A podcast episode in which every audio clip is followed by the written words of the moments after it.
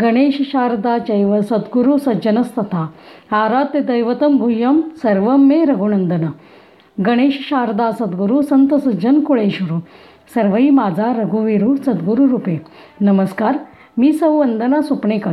आज मी तुम्हाला समर्थ रामदास स्वामी यांनी सांगितलेल्या दासबोधातील नवविधा भक्तीतील मला भावणारी भक्ती याबद्दल सांगणार आहे. प्रथम या नवविधा भक्ती कोणत्या? तर श्रवण भक्ती कीर्तन भक्ती नामस्मरण भक्ती पादसेवन भक्ती अर्चन भक्ती वंदन भक्ती दास्य भक्ती सख्य भक्ती आणि आत्मनिवेदन भक्ती. होय. प्रत्येक भक्तीचा मार्ग एकच आहे. यापैकी कोणतीही भक्ती आर्त भावनेने केली असता ती नक्कीच भगवंतापर्यंत पोहोचते. प्रत्येकाने आपापल्या मानसिक आणि शारीरिक कुवतेप्रमाणे ती जरूर करावी. इथे याच दोन गोष्टी महत्त्वाच्या आहेत बाकी काही नाही. यामध्ये मला जास्त भावणारी भक्ती म्हणजे नामस्मरण भक्ती होय. नामस्मरण म्हणजे आपण ज्या भगवंताचे नाम घेतो आणि त्या त्याच्या सत्तेने सगळे घडते ही जाणीव जागृत आहे. यालाच नामस्मरण भक्ती म्हणतात.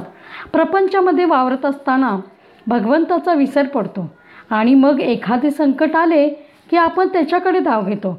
आपले सगळे संकट आपले सगळे दुःख त्याच्या पायाशी टाकतो. यातून सोडवण्यासाठी दया याचना करतो. माणसाने तसे करू नये.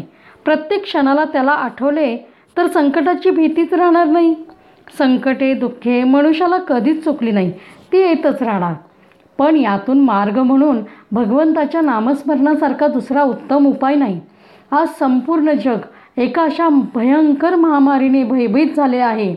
कुठलेही सण उत्सव नाही तीर्थयात्रा नाही. देवालयांची कवाडे बंद आहेत. घरात पूजा अर्चा करायला पुरेसे साहित्य नाही. माणस पूजा करतानाही मन चलबिचल होते. अशावेळी नामस्मरण हा सर्वात सोपा उपाय आहे.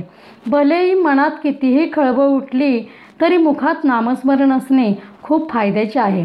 नामस्मरणाचा काहीही तोटा नाही कष्ट नाहीत इथे कसलाही भेदभाव नाही.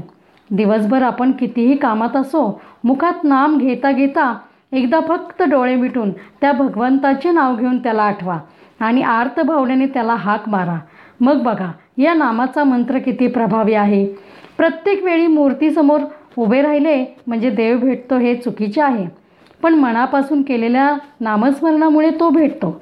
संत मीराबाई भक्त प्रल्हाद ध्रुवबाळ शबरी अशी कितीतरी नावे आहेत. यांच्याजवळ काहीच नव्हते. हे सर्वजण फक्त नामस्मरणामुळे भगवंताशी एकरूप झाले. याच्या यांच्यासारखी भक्ती कोणालाच जमणार नाही.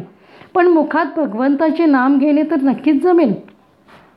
कामधाम करिता करिता कामधाम करिता करिता तुला आठवावे. कामधाम करिता करिता तुला आठवावे. राम नाम गाता गाता राम नाम गाता गाता राम रूप भावे राम रूप भावे राम रूप भावे। सीताकांत स्मरण जय जय राम।